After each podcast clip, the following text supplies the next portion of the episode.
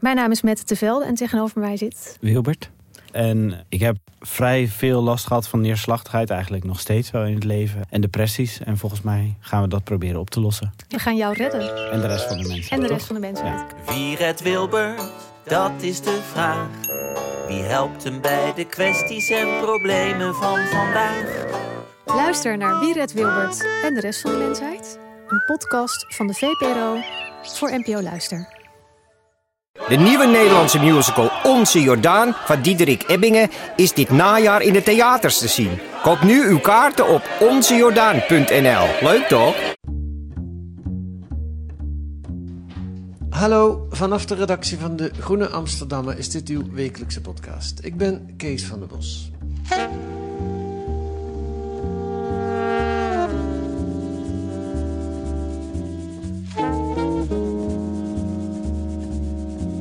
Duurzaam beleggen is populair.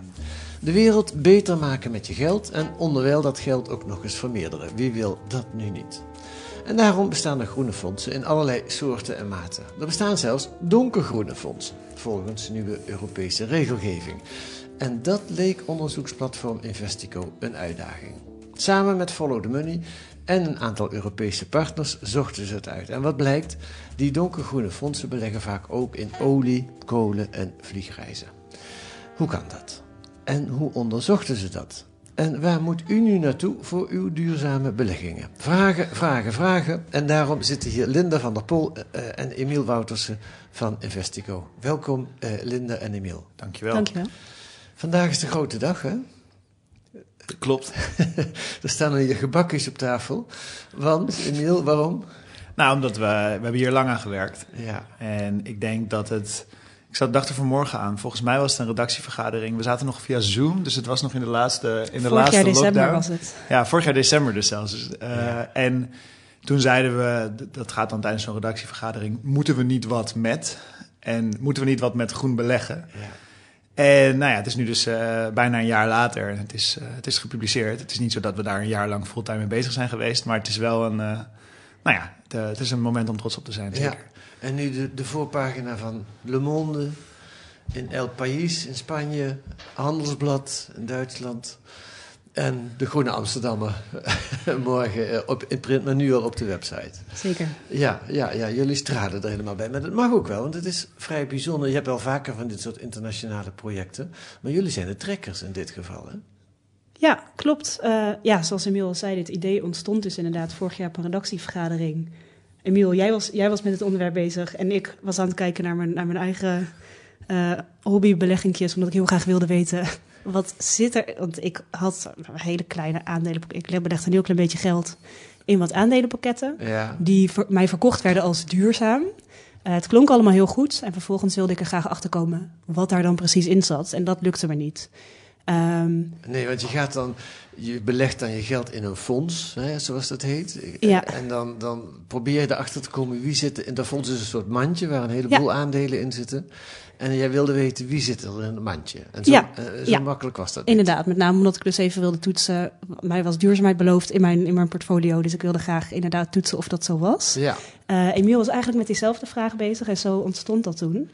Ehm, maar vervolgens kwamen wij er vrij vlot achter dat dit, dat dit verhaal eigenlijk gewoon veel groter was dan ja, ons eigen aandelenpakketje alleen. ja. Ehm, dus toen zijn we er inderdaad eerst is Follow the Money erbij gekomen. Dus toen hebben we het ne- in Nederland breder getrokken. En toen Ja. nog een paar maanden later dachten we, ja, maar dit is eigenlijk helemaal geen Nederlands verhaal. Dit is natuurlijk een Europees verhaal. Ehm, en toen hebben we inderdaad ook die eh, Europese partners erbij gehaald. Ja. Ja. En die stapten ook allemaal in, blijkbaar. Ja, en wat daar, we, we zetten nu een paar stappen vooruit wellicht, maar wat daar heel fijn voor was, was uh, we hadden uiteindelijk hebben dus een, een, een, database weten te creëren. Daar kunnen we misschien straks nog wel wat meer over vertellen. Zeker. Over, van, van al die duurzame, of in ieder geval papier donkergroene beleggingen. Ja. En ja, op het moment dat we die database voor Nederland hadden, dachten we van ja, we hebben dit trucje nu gedaan. Het was geen makkelijk trucje, maar we hebben het wel, we weten hoe het moet. Ja. En ja, op een bepaalde manier, omdat we dat toch met een computer deden, kan je, net die, kan je die computer net zo goed vertellen van neem niet al deze fondsen in Nederland, maar neem eh, deze map met deze Excel-lijsten Ja. van fondsen in eh, Denemarken Ja. of in België of in Duitsland. Ja, want wat je doet is een programmaatje schrijven. Eh, ik kan het allemaal niet, dus ik kan er heel simpel over praten. En dat programmaatje zegt tegen de computer: ga naar die Excel-lijst en kijk er op deze manier naar, met deze ogen. Ja, eigenlijk valt het in twee stappen uiteen. Het, het eerste was, want Linda zei net al, het is niet zo makkelijk om uit te vinden wat er precies in die beleggingsfondsen zit. Nee, En dat sommige. geldt, geldt, niet voor Linda's fonds, maar dat geldt er helemaal niet als je van alle fondsen wil weten. Nee, precies. Dus dat maakt het inderdaad dus methodologisch ingewikkeld als je Ja. dat eh, niet kan vinden. Ja, Ehm, en eh, toen kwamen we dus bij Follow the Money uit. En die hebben een zogenaamde Bloomberg Terminal op hun redactie staan.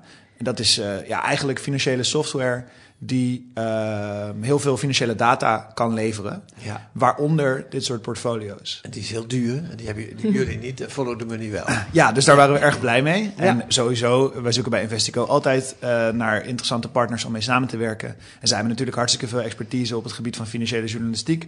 Ja. Dus dat was een hele fijne partner. Ja. En Remy Koens, een datajournalist, die heeft eh nou, bloed, zweet en tranen erin gestoken om eh, zoveel mogelijk van die, van die, ja, die portfolio's, dus eigenlijk die mandjes, Ja. eh, daaruit te weten te halen. Ja, En wat ik toen inderdaad heb gedaan, is een programmaatje geschreven dat in zekere zin al die mandjes pakt en het in één hele grote mand gooit. Eh, dat noem je dan een database. Het is eigenlijk gewoon een hele lange lijst. ja. En daarnaar, daar zijn we naar gaan kijken van, oké, en welke beleggingen eh, in deze lange lijst vinden we nou, ja, we zijn het grijs gaan noemen. Dus we vinden we zeker niet duurzaam. Ja, ja. Nou, daar gaan we het allemaal nog gedetailleerd over hebben. Maar ehm, ja, de, en vandaag is dus de dag van het oogsten, Linda. Mhm. Je- Ja. Het staat er nu allemaal. Het staat er nu allemaal. Tegelijkertijd is het doodeng, want je moet je werk wel goed gedaan hebben. Zeker, ja. Ehm, ja, inderdaad. Ja, het is natuurlijk een ontzettend eh, zwaar dataverhaal in die zin. Dat het helemaal, dit hele verhaal dat we nu in Europees hebben getrokken... dat leunt inderdaad gewoon helemaal op alle data die wij verzameld hebben... en geanalyseerd hebben. Ja, Ehm, maar goed, ja, we hebben natuurlijk eh, duizend checks gedaan op Ja. deze informatie. Eh, we hebben met een hartstikke groot team gewerkt. ja. Eh, en Remy en Emiel die hebben zich met name over die data gebogen. Dat hebben wij dan allemaal weer geverifieerd. Ja. Dus het zit ook gewoon goed in elkaar. Maar het blijft zeker spannend, zo'n Ja. eh, publicatiedag. Ja. En daarbij helpt het Ja. ook wel dat je met al die Europese media werkt. Want ik bedoel, bij Le Monde en bij Handelsblad zijn ze ook niet gek. En dat scheelt, dat scheelt wel dat eigenlijk die media vanaf het begin heel enthousiast waren... toen wij dus die database aan hun konden Ja, laten zien. En die kijken mee. Die zeggen, die zeggen niet dankjewel, het zal wel kloppen. Maar die, Nou ja, het verschilt een beetje. Sommige, sommige mensen hebben kleinere of grotere teams. En sommige Ja. media hebben, hebben meer of minder tijd. Maar bijvoorbeeld zeker de journalist van Le Monde... die is echt vanaf het begin eh, helemaal aan boord geweest... en super enthousiast hierover. En eh, heeft zelf ook heel veel ingebracht. En eh, ja, dat sterkt je. Ik bedoel, je moet nog steeds al die checks doen... maar dat sterkt je ook wel in het idee van... oh, wacht, ja, we, we, we zijn, Ja. we zijn op de goede weg, zeg Ja. maar. Goed, ik wil het met jullie uitgebreid over het onderzoek hebben. Dat vind ik interessant. Maar eerst even eh, voor de luisteraars van de podcast lijkt me dat niet onbelangrijk. De conclusies, de hoofdconclusies. Linda, wat, wat hebben jullie, eh, als je het in gewone woorden, niet in datatermen vertelt, wat hebben jullie gevonden?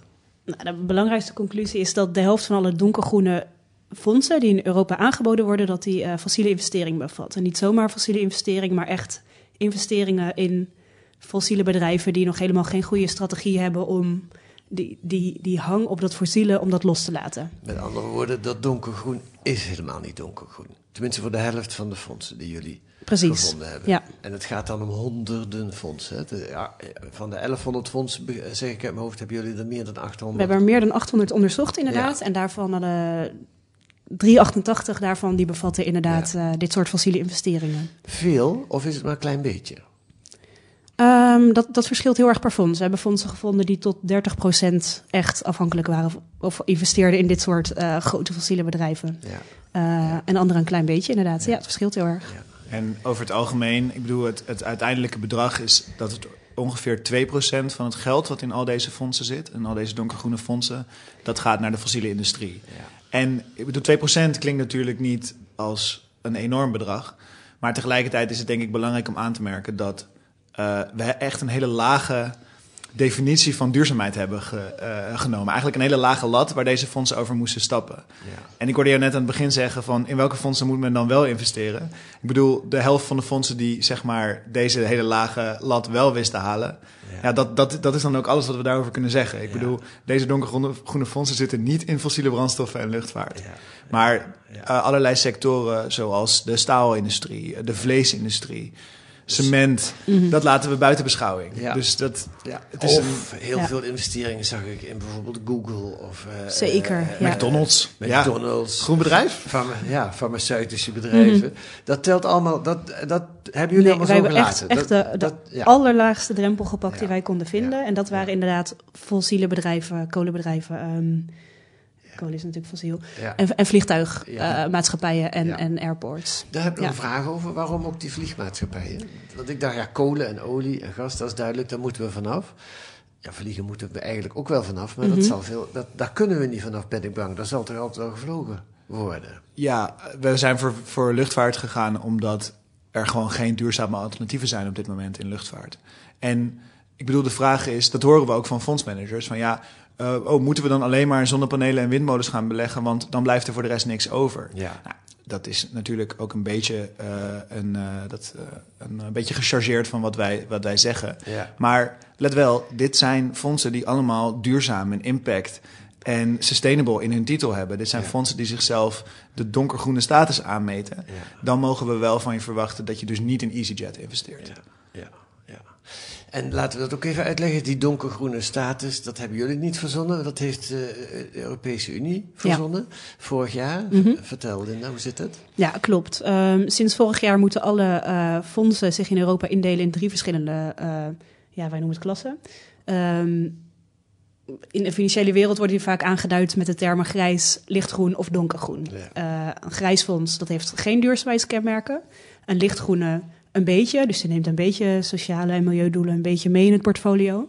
Eh, en het donkergroene, die moeten duurzaamheid echt als doel hebben. Dus dat betekent dat alle investeringen in zo'n portfolio, die moeten gericht zijn op een positieve impact op de wereld eigenlijk. Maar dan mag McDonald's nog steeds. En dan mag Google nog steeds. En dan mag eh, Facebook. eh, Nou ja, sterker nog, deze fondsen zeggen, eh, toen we ze hier met, met onze bevindingen confronteerden, nee, maar dit mag gewoon.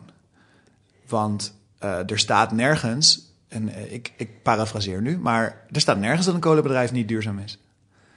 En daar lijkt een klein beetje ruimte te zijn, inderdaad. Er staat, want het klopt precies wat Linda net zegt. Eh, al die investeringen die moeten, eh, moeten duurzaam zijn, mogen geen significante schade toebrengen aan mens of planeet. Maar ja, eh, wat dat dan precies betekent, daar wacht iedereen nog Ja. op regels die, daar, die daarvoor zijn. En ook de toezichthouder, de autoriteit financiële markten, die zegt van ja, wij wachten eigenlijk nog op een definitie van duurzaamheid Ja. uit Europa, Ja. voordat we kunnen handhaven hierop. ja. En dat is natuurlijk een hele rare situatie, want als je één stap terugneemt, of misschien een halve stap terug, dan zie je natuurlijk dat een kolenbedrijf niet duurzaam kan zijn. En, en het staatsoliebedrijf van Saudi-Arabië, ja, Heeft geen positieve impact dat kan je niet. Dat, dat, dat, je kan niet argumenteren dat dat een duurzaam bedrijf is. En dat je dat in je Green Sustainable eh, Impact Fonds doet. Ja. Alleen, er, ja, er, er is, het is nog in die zin zo vaag dat, het, dat ze er tot nu toe mee weg lijken te komen. Ja. Tegelijkertijd zegt de Europese toezichthouder trouwens: nee hoor, deze regels zijn hartstikke duidelijk. En eh, nationale eh, toezichthouders moeten gewoon gaan handhaven. Dus het is ook een beetje iedereen die naar elkaar aan het wijzen is. Ja. ja, dat viel me ook op toen ik jullie verhaal las. Want ja, je legt het eigenlijk wel ook al goed uit. Het is, er is regelgeving, maar er is geen enkele controle op die regelgeving. Het is net als dat je zegt, je mag niet te rood rijden... en vervolgens ga je met de rug naar alle stoplichten Mhm. staan. Ja, ja, op dit moment wordt het nog behoorlijk bij de sector zelf gelegd. Dus de sector die mag in eerste, zij mogen zichzelf indelen in een van die klassen. Zelfregulering. Ja, echt- echt zelfregulering woord, eh, inderdaad. Ja. Ehm, ja, je hebt inderdaad, de Europese Commissie heeft deze regelgeving gemaakt. Heeft dat naar de, naar de ESMA doorgezet. De ESMA is zeg maar de Europese toezichthouder op de nationale toezichthouders in de financiële sector. Ja. Nou, die zet het dan weer door naar de nationale toezichthouders en die zeggen ja. Tenminste, het verschilt een beetje per land. Maar de AFM in Nederland die zei inderdaad, ehm, ja, de regels zijn te vaag. Ehm, dus we, we- ehm, wij kunnen gewoon niet. Nee, het is voor hen inderdaad heel moeilijk om naar een portfolio te kijken en, ze- en te zeggen: hmm, deze, deze positie hoort wel thuis in het fonds. Ehm, Dat- Zelfs bij de dingen waarvan je zou denken, dit is overduidelijk, dit hoort hier niet in thuis. Het Ja, staat zo in het bedrijf zeggen. Saudi-Arabië. Ja, dat, dat, dat is toch, daar hoef je toch geen eh, wiskunde voor te studeren om te zien Nee. dat dat er niet eh, in hoort. Ik, ik denk eh, dat wiskunde, wiskunde en milieukunde zou ik zelf zeggen. Maar nee, ja, wat, eigenlijk wat eh, wat- de AFM gaat nooit in op specifieke gevallen. En dat Nee. zorgt in dit soort gesprekken wel voor wat moeilijkheden. Ja. Want zij willen dus niet uitsluiten dat er een verhaal kan zijn. En ik, ik ga nu heel even heel erg mee in hun, in hun eh, hypothetische scenario. Stel, er is een kolenbedrijf wat voor de 95% windmolens heeft... en nog één kolencentrale aan heeft die over twee jaar uitgaat. Ik, Ja. ik wil maar iets zeggen. Dat kolenbedrijf zit overigens niet in onze data. Als, de- als dat hypothetische kolenbedrijf zou bestaan... dan zou dat niet in onze data zitten. Maar dan wil de AFM dus niet uitsluiten dat dat... eh, toch een groene uitleg kan hebben. Maar daarmee laat je dus enorm veel ruimte voor al die fondsen die kunnen gaan uitleggen, en dat doen ze dus ook, dat eh, een Braziliaans oliebedrijf dat dat duurzaam is. Dat een bedrijf wat olie wint in het Noordpoolgebied, dat dat duurzaam is. Want dit bedrijf heeft een heel duidelijk plan dat ze zich in 2000 nog wat gaan eh, weggaan uit de fossiele sector en eh, puntje, puntje, puntje. Ik bedoel, ja, ook die mensen hebben PR-mensen in dienst. Eh, eh, daar, kom, daar, daar kom je een heel eind. Hoe zit Ja. die controle eigenlijk in elkaar? Het lijkt me ook heel moeilijk overigens om dat allemaal te moeten controleren. Maar goed, als je, als je een stempel op iets zet, donkergroen fonds, dan, dan moet je dat... Dat is geen marketing in principe. Het is, als, als jij het zelf doet, is het marketing. Hè? Dan ko- koop bij mij, ik ben donkergroen. Maar als je het als Europese eh, Unie doet, dan is het regelgeving. Doet de AFM überhaupt wel iets aan controle? De AFM... Die Autoriteit Financiële Markt. Ja, even inderdaad. uitleggen. Ja. Ehm, nou, ook dit is iets waar de AFM niet, niet op detail op in wil gaan. Dus stel dat zij ergens gehandhaafd hebben... of inderdaad een fondsbeheerder op het matje heeft geroepen... dan, dan, dan vertellen ze ons dat niet. Ze hebben daar nog niet over gepubliceerd tot nu toe. Mm. Ehm, maar tot nu toe, de AFM heeft ons verteld... dat die regelgeving nog zo vaag is... en dat er inderdaad een ontzettend grijs gebied is. Zij, er is geen lijn die zij kunnen trekken... Waar, Ja. waarvan ze zeggen dit is fout en dit is goed. Ja. Ehm, En ze zijn wel, ik bedoel, ze zijn hier wel mee bezig. Het is wel, Ja. ze, zijn, ze Ze publiceren zijn wel blij met jullie werk, denk ik. Eh, nou ja, dat, dat, dat zou je ze zelf moeten vragen, denk ik. Ehm, maar ze, zijn, ze publiceren wel rapporten over dat dus de informatie die deze fondsen over zichzelf geven onvoldoende is om te kunnen beargumenteren dat ze duurzaam zijn. Dus eigenlijk zit dat een niveau hoger. Ik hoop dat de luisteraar het nog een beetje kan volgen. maar eigenlijk zeggen ze deze fondsen rapporteren op zo'n manier over zichzelf dat het niet mogelijk is om te beoordelen of ze duurzaam zijn. Ze Ja. moeten eerst maar eens anders gaan rapporteren. Ja, en waar was het wat de AFM dus nog niet heeft gedaan, of niet heeft gedaan en hopelijk nog niet, eh, is naar die daadwerkelijke onderliggende beleggingen kijken. Ja. En gewoon kijken, ja, wat zit erin? En ja, dan zou het heel erg helpen als er gewoon een regel zou zijn dat je niet in fossiele bedrijven mag beleggen Ja. Eh, in dit soort fondsen. Zo moeilijk is het niet, zou je zeggen. Tenminste, ja, het is een, waar je de streep precies legt, is wel moeilijk. Maar je hebt hele duidelijke gevallen, ja, fossiele bedrijven die gewoon eh, dat blijven doen. Dat, dat lijkt me heel duidelijk. Exact. Eh, even op een andere stoel gaan zitten. Waarom is dit nou belangrijk? Want je, je zit er wel een beetje te zuren natuurlijk. Er zijn al donker, donkergroene fondsen. Er gaat heel veel geld een betere kant op, mogen we hopen. En dan komen jullie weer. Met eh, van ja, maar eh, het, ze houden zich niet aan hun eigen beloftes. Nou ja, het is, eh, het is inderdaad heel belangrijk dat er heel veel geld naar groene eh, doelen gaat. En ehm, het is zelfs zo belangrijk dat er heel veel geld mee te verdienen valt. Om net te doen alsof je je geld naar groene doelen eh, stuurt. En Duurzame elk- fondsen zijn heel populair. duurzame fondsen zijn heel populair, maar en ook elk bedrijf heeft tegenwoordig natuurlijk een deel van hun website ingeruimd voor hoe zij aan het Parijsakkoord voldoen en hoe zij eh, bij gaan dragen aan een klimaatneutrale wereld. En ik wil dat ook niet allemaal afdoen als de marketing. Ik bedoel, heel veel bedrijven zijn er ook serieus mee bezig.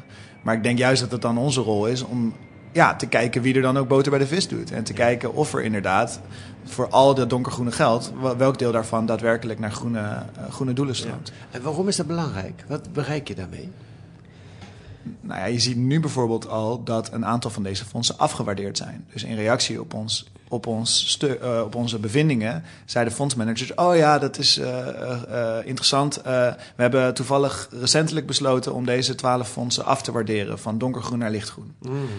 En nou ja, eh, ik zou misschien liever gehad hebben dat ze hun fossiele, eh, fossiele investeringen uit die donkergroene fondsen hadden gehaald. Maar iemand die nu denkt van ik wil mijn geld sturen naar de meest duurzame doelen, die kan in ieder geval is die selectie wat kleiner geworden. En is, zijn er fondsen die uh, nou ja, wellicht wat minder grijs zijn dan degene die wij nu hebben geïdentificeerd, zij blijven die over. Ja, ja.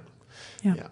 En je, en je zou kunnen zeggen, wat jullie nu doen, is eigenlijk het werk van de autoriteit financiële markten, van degene de- die de regelgeving moet controleren. Ehm, ja, ja, de- deels wel, denk ik. Ehm, tegelijkertijd, ja, wij als journalisten, wij hebben natuurlijk ook gewoon een controlerende rol, Ja. denk ik. Ehm, ja, en de AFM zegt tegen ons, ja, we kunnen niet alles tegelijk. En daar hebben ze waarschijnlijk wel een punt. Ja. En het is, als journalist heb je wel een klein beetje de luxe dat je dus zelf een definitie mag verzinnen. Ja. Ja. Ik bedoel, verzinnen klinkt alsof we... We hebben hier natuurlijk heel goed over nagedacht en met Ja. veel experts over gesproken en zo. Ja. Maar ja, dat, wij, wij kunnen wel gewoon zeggen, wat vinden wij... Wat vinden wij in ieder geval helemaal niet duurzaam? ja. En dat is een probleem waar de AFM wel mee worstelt. Snap ik. Nou las ik eh, dat er eh, begin in jullie stuk, in jullie eigen stuk, dat er begin dit jaar bij een vermogensbeheerder in Duitsland, DWS, eh, wel een politieinval is Ja, geweest. Wat, klopt. wat moet ik daaruit concluderen? Ja, inderdaad. Ja, bij DWS zijn inderdaad dit voorjaar eh 50 politieagenten naar binnen, binnengevallen. omdat D- DWS een foute duurzaamheidsclaim zou doen. Dus DWS die belooft daar beleggers inderdaad dat zij elke investering, of in ieder geval veel investeringen, allemaal helemaal onderworpen hadden aan een hele goede analyse om te kijken of die nou, nou ja, in hoeverre zo'n belegging ehm, ja, een goede impact heeft op de wereld. Ehm, Duurzaam is? ja, duurzaam is inderdaad. Ehm, maar bleek dat, DWS, dat dit een valse claim was van DWS en dat ze heel veel beleggingen helemaal niet toetsten daarop. Het was een marketinginstrument. Ja, het was echt een marketing. Ja, Ja. dit was echt een greenwashing geval. Ja. Ja. ja. Maar moet ik dan concluderen dat ze in Duitsland wel controleren en in Nederland niet? Want je laat niet zomaar politie invallen bij zo'n eh, eh, vermogensbeheerder. Nou, dit was nadat een klokkenluider bij DWS, die bij DWS had gewerkt, naar de Duitse overheid is gestapt. Ah, Ja. Eh, dus ik, ik, ik weet niet eh, hoe het Duitse toezichtregime ver- verschilt van dat van Nederland hoor. Ja. Maar eh, dit, dus dit had wel een vrij directe aanleiding. ja. Maar ik denk wel dat het interessant is dat, ik bedoel, of het nou, wat nou de definitie van duurzaamheid is, dat, dat blijkt een heel moeilijk punt te zijn. Maar je mag niet liegen tegen je investeerders. Ja. Dus je mag niet zeggen, eh, dit is allemaal duurzaam, of we, we investeren allemaal in deze dingen en dan in iets anders investeren. En dat lijkt bij DWS dus het geval te zijn geweest, waar ze hebben gezegd van, wij checken dit allemaal op duurzaamheid, maar ze hadden het niet eens gecheckt. Ja, ja, ja. Ja. En, maar misschien dat er dus inderdaad wel, ook dat de fondsen die wij hebben bekeken, dat daar wel wat ruimte in zit. Want wij zagen soms ook dat er in een documentatie van het fonds staat, wij beleggen niet in kolen. En dat er gewoon beleggingen in kolen in zaten. En dan denk ik wel van, nou, Ja, misschien dat je daar wel eens nat op zou kunnen gaan. Ja. Maar eh, ja, dat is, dat is eh, aan de AFM. ja. Hetzelfde las ik is bij, bij Goldman Sachs en BMY Mellon, daar heb ik helemaal nog nooit van gehoord. Eh, die hebben boetes, in de Verenigde Staten speelt dat, die hebben boetes gekregen. Nou weet ik wel, in de Verenigde Staten zijn ze, als er eenmaal een regel is, veel beter in handhaving dan in Europa over het algemeen. Maar weet je daar ook iets meer van, hoe dat zit, waarom ze die boete hebben gekregen? Ehm, Vergelijkbaar met Ja, ja, ja. ook het doen van. Maar ja, nou ja, in ieder geval bij Goldman Sachs was, dat zo, was het ook zo van. Ze hadden beloofd dat ze die checks zouden doen. Ja. Maar het was gewoon nalatigheid eigenlijk. Ze hadden die Mhm. checks niet eens gedaan. Ja. En eh, nou ja, daarom heeft Goldman Sachs 4 miljoen dollar boete gekregen. Het is een mooi eh, eh, symbool natuurlijk. Maar ik denk dat ze het wel kunnen missen. ja, precies. En BNI had, meen ik, investeringen aangekocht. En na het aankopen pas, of na het aanbieden pas, daarna pas die checks gedaan. Ja. Terwijl zij beloofd hadden dat ze voorafgaand die checks zouden doen. Dus het komt inderdaad allemaal op hetzelfde neer. Gewoon echt ja, consumentenmisleiding eigenlijk. Ja, ja, ja. Ja, het is een soort consumentenbondonderzoek wat jullie doen, maar dan, dan Ja. wat ingewikkelder. Ja. Ja, nou goed, over hoe precies het onderzoek, dat staat ook allemaal, er zit een onderzoeksverantwoording bij op de website van Investico. Eh, In, in de groene staat het uitgelegd. Ik zou zeggen, lees dat allemaal. Maar ik wil nog wel een paar dingen van jullie van het onderzoek horen. Eh, wat was het moeilijkste daaraan? Eh, nou, ik denk dat het, het, was, het was in ieder geval heel veel werk om, ehm, om die, al die data bij elkaar te krijgen. Ehm, alleen dat is alweer een tijdje geleden en de herinnering die, die, die maakt dat dan allemaal weer eh, wat eh, Verzwakt het wat? verzwakt eh, de Maar om moeite. te, überhaupt die fondsen te, te, te aan te wijzen en te kijken wat zit er allemaal in die fondsen, dat bedoel je? Ja, en vervolgens eh, ik bedoel, ik zeg nu makkelijk dat Remy dit allemaal uit die Bloomberg terminal eh, heeft gehaald. Remy Ja. van Follow the Money. Maar dat was gewoon echt wel... Dat is niet het meest gebruiksvriendelijke apparaat, hebben we gemerkt. En om daar vervolgens dus weer, ook dat weer allemaal op een goede manier bij elkaar te gooien, dat was, dat was denk ik technisch gezien moeilijk. Ja. Ehm, Ja. Ik zit even te denken, journalistiek Nou ja. gezien moeilijk. Ja, het was gewoon heel, het was heel veel. Er zijn Ja. heel veel fondsen die je moet benaderen hiervoor. Ja. Ik weet niet hoe jij daarnaar kijkt. Ja, nou ja, dat is het inderdaad. We hebben natuurlijk allerlei verschillende fases van met name datavergaring gehad, toch? Eerst wilden we een lijst hebben met al die artikel 9 fondsen in Europa. Vervolgens wil je daarvan al die portfolio's hebben. En dan heb je dat, maar vervolgens, maar hoe bepalen wij vervolgens waar wij die drempel leggen? Ja. En hoe komen wij vervolgens weer aan databases met informatie over fossiele bedrijven? Ja, en Ehm, daar heb je weer hulp gehad van... ja, daar hebben wij uiteindelijk inderdaad twee verschillende eh, NGO's voor gebruikt. De Duitse Urwald, die verzamelen eh, data over eh, fossiele bedrijven. Die maken elk jaar een lijst met ehm, bedrijven die sterk hangen op kolen Ja. eh, en op olie- en gasbedrijven. En die, die, die maken ook een rapport van dit bedrijf is bezig om eruit te stappen. Of, en, dit, en, en dit bedrijf helemaal niet. Die Precies. beoordelen die bedrijven ook Ja. mee. Hè? Ja. En dat was voor jullie, dan hebben jullie, hadden jullie een houvast, heb je een standaard. Ja, zeker. Dat is Ja. fijn om dat te kunnen, te Ja. kunnen uitbesteden op een bepaalde manier. Mhm. Want ook hier is het weer heel moeilijk om, voor ons om in te schatten van wat is een Ja. fossiel bedrijf. Ja, ja, Mhm. Shell is duidelijk. ja. Maar ja, ook Shell steekt heel veel geld in, eh, duurza- Ja. in duurzaamheid. Ja. Eh, Nou ja, dat denk ik ook. En vervolgens hadden we nog, want toen hadden we dit eenmaal, dus konden we al die aandelen toetsen. En toen, toen realiseerden we ons natuurlijk dat aandelenpakketten bestaan vaak uit aandelen en obligaties. Mhm. Dus dat dat geoormerkt geld dat naar een bedrijf of naar een overheid gaat voor een speciaal project. Mhm. Ehm, en daar wilden wij dan natuurlijk weer. Je hebt inderdaad, Emiel noemde het net al even. Je hebt ook fossiele bedrijven die spe- specifiek geld ophalen voor een windmolenpark. Hm. Of voor een eh, zonneweide of wat dan ook. Ja. Dat wilden we ook uitfilteren. En daarvoor hebben we dan weer gebruik gemaakt van een eh, database van Climate Bonds Initiative. Ehm, en dat is een onderzoeksbureau uit Groot-Brittannië. Dat inderdaad alle obligaties onderzoekt op... heeft het inderdaad een duurzame bestemming of niet? Nou ja, wat ik er wel mooi aan vind, of, je ziet het belang van het bestaan van dit soort clubs, hè, die Zeker. verder niet zo Ja. heel sexy zijn, zou ik maar zeggen, Mhm. in, in, in, hoe, na- in het naar buiten treden. Maar op zo'n moment heb je er wel heel veel aan. Ja, zeker. En dit soort, dit soort data, eh, dat was voor ons ook wel fijn. Eh, allebei die, die databestanden zeg maar, van deze NGO's worden ook in de financiële industrie steeds vaker gebruikt. Om te kunnen identificeren wat groen Ja. is en wat niet. Ja. Dus los van het feit dat ze inderdaad journalistiek informeren, Ja. is het ook echt ja, is het super belangrijk. Want je kan nu wel tegen een pensioenfonds zeggen: van hé, hey, ik heb hier een lijst. Eh, zit je daar nog in of niet? En dus, dus nee, zeker. Dit, zonder deze clubs hadden we dit niet, eh, hadden we dit niet kunnen maken. Andere vraag, misschien is dat romantisch, maar dat, mo- dat moeten jullie maar zeggen. Had je op een gegeven moment, dan heb je die data, die zoek je uit, dan kom je tot, tot, tot, tot een patroon. Was je verrast? Of dacht je van nee, natuurlijk komt dit eruit? Ik was wel Ehm, verrast, ja. Ja, wij zaten eerst heel erg. eh, Ik noemde al de grijze, lichtgroene en donkergroene fondsen. En in eerste instantie wilden wij kijken naar lichtgroen. Want wij dachten, dat is het meest shady. Daarin kun je het meest Ja. wegmoffelen. Ja. Wij dachten in eerste instantie, die donkergroene fondsen... nee, maar dat zal wel goed zijn. Dat is zo gecureerd. Ja, en, Ehm, en daarnaast misschien nog om je aan te vullen...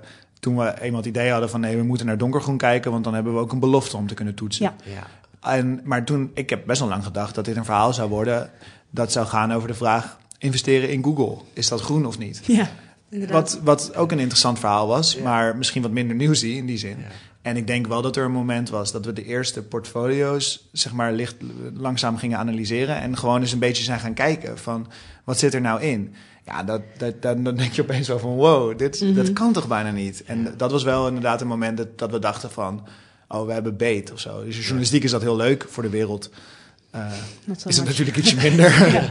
ja, dat is een soort journalistieke afwijking. Als je- absoluut, Als je ja. iets heel ergens ontdekt, dan klap je in je handen en denk je, yes, we hebben het. ja, eh, daarom is het ook goed om om te gaan met mensen die niet in de journalistiek werken. Met gewone mensen. Goed, ehm, en nu staat het dus eh, overal eh, eh, in de kranten. En, en, en, en hoe zal het nu verder gaan? Ja, dat weet, dat weet u natuurlijk ook niet, maar hoe zou het verder kunnen gaan? Ehm, nou ja, wat we nu in ieder geval zien is dat veel van dit soort fondsen die wij onderzocht hebben nu inderdaad aan het ja, herklassificeren zijn. Dus die waren donkergroen en nu noemen ze zichzelf lichtgroen. Ehm, sowieso hebben we in de afgelopen maanden gezien dat die markt nog heel erg in ontwikkeling is. Dus de ene fonds gaat van licht naar donkergroen en de ander de andere kant op. Ehm, waar gaat het heen? Ja, het zou kunnen dat het landschap er over een jaar weer heel anders uitziet. Ja, ik, ik, ja, ik hoop dat er eh, dat ervoor wordt gezorgd dat die definitie wat duidelijker wordt. En ik, er, er is wel licht in Europa, eh, Ja. eh, lijkt er wat beweging in te zitten. Ehm, Zodat maar- je weet waar je aan toe bent. ja, en kijk, je hebt natuurlijk, er is, er is op dit moment, lijkt er in ieder geval meer duurzaam geld dan dat er duurzame initiatieven zijn. Er zijn heel veel mensen die, die graag hun geld naar duurzaamheid zien gaan. Volgens mij is bijna de helft van alle investeringen op de een of andere manier duurzaam op dit moment. In Europa, ja, ja. ja, in Europa, exact. En dat, dat is natuurlijk moeilijk. Geld zoekt duurzaamheid. Ja, en ik hoop dat dit ervoor zorgt dat de daadwerkelijk duurzame initiatieven ook dat geld krijgen. In plaats van dat het makkelijk naar een groot bedrijf stroomt. Ja. Wat eh, wellicht veel minder duurzaam is. Oké, helemaal tot slot. Linda, waar staan jouw aandelen nu? eh? welk fonds heb je nu? Ehm, ik, ik, ik, heb er, ik heb er niet meer aan durven zitten. Heeft ook met de koers te maken natuurlijk. Eh, maar ik, ik, ga ze er snel, eh, ik ga ze er snel uithalen. Later bleek ook inderdaad dat ik helemaal niet belegde in donkergroene fondsen, maar in lichtgroene fondsen. Ik kende Mm. destijds Dat dat, is- jargon nog helemaal niet. Dus ik dacht lichtgroen, dat is, Ja. dat is echt duurzaam. Ehm, En ik begrijp uit jullie artikel dat je naar de ASN of de Triodos bank, de echt groene banken zou ik maar zeggen, daar, ja, die eh, zaten goed. Daar heb je geen... Ja, die zaten niet slecht. Die zaten niet slecht inderdaad. Hoezo? Waarom, waarom die nuancering? Nou, omdat, we, omdat ik oprecht niks kan... Ik bedoel, ik, ik kan niks zeggen over de groenheid van hun portfolio, want daar heb ik geen onderzoek naar gedaan. Ik, we, hebben, we hebben gekeken naar... En daar zijn heel veel discussies over, eh, over... Is investeren in Tesla, is dat groen? Je zou zeggen, elektrische auto's, supergoed, maar onder onderdrukking van mensenrechten. Gebruiken heel, halen heel veel duur, eh, dubieuze eh, grondstoffen vanuit eh, Centraal-Afrika. Moeten we wel allemaal in auto's gaan zitten. Precies, maar Ja. dat zijn dus, Ja. dus dat zijn moeilijke Ja. discussies. Dat Ja. we, maar Ja. dus, ik weet niet of ze groen zijn, maar ze zijn in ieder geval stonden ze aan de goede kant van onze, onze meetlat. We gaan het zien. Dankjewel. Linda van der Pol en Emiel Wouters voor dit gesprek. Graag gedaan.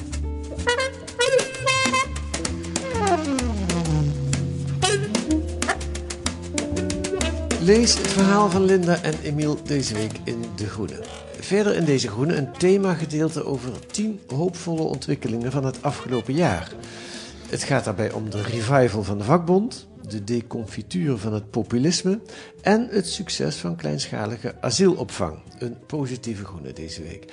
Op maandagavond 19 december, dat is nog een belangrijke mededeling, bespreken we deze trendbreuken tijdens een live opname van de podcast in Pakhuis de Zwijger. Wilt u erbij zijn? Dat kan. De toegang is gratis. Ga wel naar dezwijger.nl slash agenda om je op te geven. We zetten dit, eh, die website ook in de show notes van deze podcast.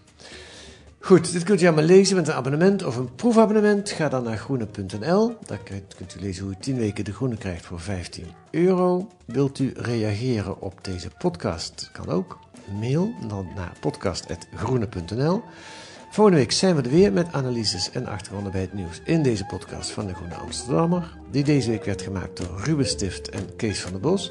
De muziek is de Tune for van Paul van Kemenade. Tot volgende week.